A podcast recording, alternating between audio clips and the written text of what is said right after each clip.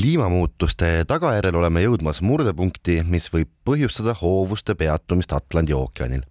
Indrek Ojamets uuris, kui tõsiseks teadlased seda olukorda siiski hindavad olen tulnud siia Tallinna Tehnikaülikooli Meresüsteemide Instituuti, et hoovuste hingeelust lähemalt rääkida ja minuga on siin eksperimentaalookeanograafia professor Urmas Lips, tervist! tere! Kui siin rääkida nendest hoovustest, siis äh, hiljuti ilmus uudis selle kohta, kuidas Hollandis asuva Utrechti ülikooli teadlased on teinud siis simulatsiooni Atlandi ookeani hoovuse kohta. ja selles simulatsioonis siis selgus, et see hoovuse seiskumine on reaalne oht, et kui tõsine see olukord on teie hinnangul alustame sellest pihta, et neid äh, uuringuid selle kohta, et kuidas see Atlandi ookeani soovuste režiim muutub, on tehtud juba noh, aastakümneid. ja see uuring ja nüüd eelmisel aastal ilmunud üks artikkel, kus siis on püütud äh, välja selgitada, et mis on need esimesed märgid, et see hoovuste struktuur, mis siis tähendab soojade hoovuste liikumist äh, põhja poole ja nende jahenemist ja segunemist siis äh, Põhja-Jäämere äh, vetega äh, tekitab siis sellise soolase, suhteliselt soolase ja külma veemassi, mis siis sukeldub ja tuleb siis tagasi sügavamal, kuskil kahe tuhande meetri sügavusel ekvaatori poole, et see tsirkulatsioon aeglustub või ütleme niimoodi, et see muutlikkus on selline, et on olnud selliseid aeglasemaid perioode kui siiamaani arvati, et see kõik võtab väga palju aega, et sel sajandil seda kindlasti ei juhtu, et see seiskub, see süsteem, siis nüüd on tulnud siis paari uuringu põhjal teadlased välja äh, arvamuse või ennustusega, et see võib juhtuda. ja noh, nagu teadlaste hulgas ikka, et see on, on teadlasi, kes leiavad, et need arutelud või need arvutused, mis on tehtud, on täiesti arvestatavad ja siis teised jälle arvavad, et see et tuleb ikka edasi uurida, et see tõenäosus on ikkagi suhteliselt väike aga kuidas see, mis seal Atlandi ookeanil toimub, mõjutab meid siin Läänemere ääres, seda, missugune on meie kliima? no see väga lihtne seletus on see, et kuna meil, meie piirkonnas või meie laiuskraadidel on ülekaalus siis lääne ülekanne, ehk siis õhumassid tulevad läänest itta siis eh, kui ookeani vesi on soojem, siis ilmselt ka see õhk, mis meieni jõuab, on, on soojem. ja see noh, tekitab siis talvel seda, et teinekord meil ei ole see talv olnud väga, väga soe või väga külm, just vastupidi, et ta on olnud soojem kui tavaliselt, aga noh, samas see võib ka tähendada, et suvi ei ole jällegi nii soe, vaid on natukene jahedam, sest et siis ookean ju pigem ikkagi ookeanist tuleb seda eh, külmemat õhku, nii et, et eh, ma arvan, et äh, siin eeldus on selline, et äh, jääb, kui see soojahoovus seisma jääb, et siis see lääne ülekanne äh, noh, võib-olla ka, kas üldse aeglustub või jääb õhumasside ülekanne jääb ka siis selliseks, et meile seda siis soojemat õhumassi siiapoole ei tule. aga jällegi, siin tuleb nüüd mõelda, et missugused mudelid selleks on siis kasutatud on ta siis ookeani atmosfääri kombineeritud mudel, sest eh, noh, nii ookean mõjutab atmosfääri õhku kui atmosfäär mõjutab ookeani. Ja põhiliselt, mis ikkagi meil maakeral selle suuremastaapilise tsirkulatsiooni nii õhus kui ookeanis eh, käima paneb, on see, et et päikeseenergiat tuleb madalatel laiuskraadidel palju rohkem kui kõrgematel laiuskraadidel. ja tänu sellele siis eh, nii ookeaniveed soojenevad erinevalt ja atmosfääri õhk hakkab liikuma erinevalt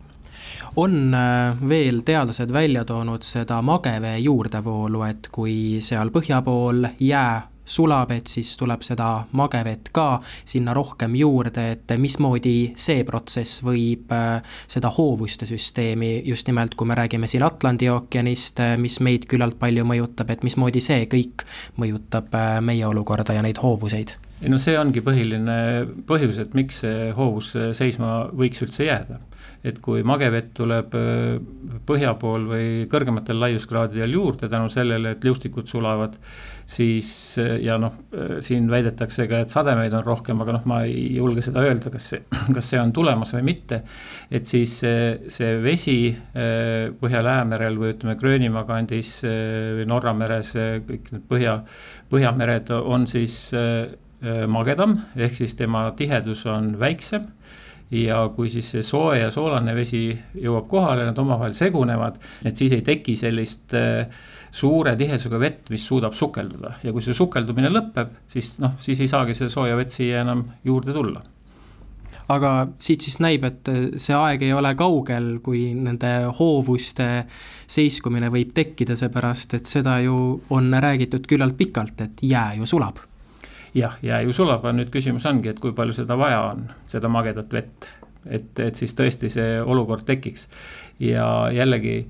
mõtleme niimoodi, et, et see olukord saab tekki või noh, see eh, saab edasi arendada, areneda selles suunas siis, kui siis eh, meil need liustikud eh, edasi sulaksid. aga noh, kujutate ise ette, kui siis see soe hoovus seiskub siis mõne aja pärast ju ka Põhja-Jäämerel ja Gröönimaa kandis on siis tunduvalt külmem ja järelikult seal hakkab jälle see jää kogunema ehk siis, siis sel hetkel jälle see magevee osa hakkab ilmselt vähenema. nii et see on selline võnkumine, aga ma jällegi ütlen, et sellised suure mastaapsed võnkumised, kuna ookeani sooju, sooja mah-, mahutavus on nii suur, siis need ei saa mitte mingil juhul olla selliste kümne või kahekümne või isegi saja aastased, need on ikkagi sajad aastad, kui see võnkumine selline on. ja mis see uus tulemus või see või see uus ennustus on, ongi selles, et väidetakse, et me oleme nüüd selle punkti lähedal, kus siis see hoovuste struktuur võib muutuda. ehk et isegi kui see soe hoovus jõuab põhja poole, siis ta ei, see vesi ei ole siis enam tänu sellele, et magedat vett tuli juurde, enam nii suure tihedusega, et ta suudaks sukelduda. ja siis see järgmine tase on siis see, et see soe hoovus enam ei jõuagi nii kaugele üldse. Aga jälle, et ma ma arvan, et me oleme praegu ikka selles seisus teaduses, et eh, on nii ühte kui teistpidi arvamusi ja mingit paanikat eh, ma küll praegu kohe ei, ei tahaks siin levitama hakata. Kuivõrd tuliseid arutelusid just nimelt teadlaste seas seesama hoovuste seiskumise teema tekitab, et kui te olete suhelnud enda kolleegidega kas või siin Meresüsteemide Instituudis või ka väliskolleegidega no ütleme niimoodi, et meil on praegu, meie instituudis vähemalt ülekaalus ikka see arvamus, et see mingit sellist järsku muutust äh, kohe oodata ei ole. et äh, ja see kogu see hoovuste süsteem Atlandi ookeanis on meil samuti siis äh, füüsikalise ookeanograafia õpikus kirjas eesti keeles, et seda võib täiesti vaadata, et mis on seal need mõjutajad ja mis on ajaloos toimunud ja mismoodi praegu mõõdetakse ja on näha see muutlikkus, kui palju see siis tähendab, meridionaalne tsirkulatsioon on muutunud aastatega või noh, just see, et kui palju ta varieerub erinevate aastate vahel. Siis meil noh, hetkel ikkagi ei ole sellist eh, mingit väga tõsist argumenti, et me saaks väita, et see nüüd lähiaastatel saab tulla. ja ma tahan ikka öelda ka seda, et me väga paljusid protsesse mis siis seda mõjutavad, äh, veel alles uurime, et noh, meie üks uur-, uurimisteema on näiteks selliste väikse mastaapsete või noh, me nimetame neid submesomastaapsete protsesside uuringud, mis siis on, annavad väga suure panuse sellesse, et mis on ookeanis kihistumine ja mis on vertikaalne segunemine. ja kui me näiteks praegu nendes suurtes kliimamudelites ei ole õigesti neid väikse mastaapseid protsesse parametriseerinud siis see ennustustulemus, seal on hästi suur selline usaldusväärsuse küsimus ikkagi endiselt sees. aga mingi tõenäosus on, et eh, võib eh, ütleme, selline aeglustum-, noh, aeglustumist on tegelikult mõõdetud, et ta, ta on teatud perioodil juba aeglasem olnud. aga see aeglustus ei ole märkimisväärne või? jah, ta ei ole nii suur, et, et midagi väga, väga tõsist oleks juhtuma hakanud ja nüüd noh, kogu küsimus on see, et mis teooria või mis statistiliste meetoditega nende andmete ja mudelite andmete kallale lähete ja siis kuidas te leiate, et millal siis see selline noh, nõndanimetatud breaking point või murdepunkt siis saab tulema. ja noh, seal alati nendes kliimamudelites ju võetakse arvesse ka seda, et mis inimene teeb ja palju CO2 atmosfääris on ja ja, ja seal on nii palju neid noh, ütleme protsesse, mida on vaja enne sinna mudelisse teatud eeldustel panna. nii et ikkagi, kui me noh, mõtleme jälle selle peale, et eh, kui ma eelmine nädal vaatasin eh, pika ilmaennustust, et täna merele minna, siis oli see ühtemoodi ja nüüd eile ma vaatasin, siis see äh, ennustus oli hoopis teine. et me sellist täpseid ilmaennustusi ikkagi noh, üle viie päeva ei suuda anda. ja nüüd, kui me tahame mõelda, et me anname siin ennustusi sadade aastate peale ja võib-olla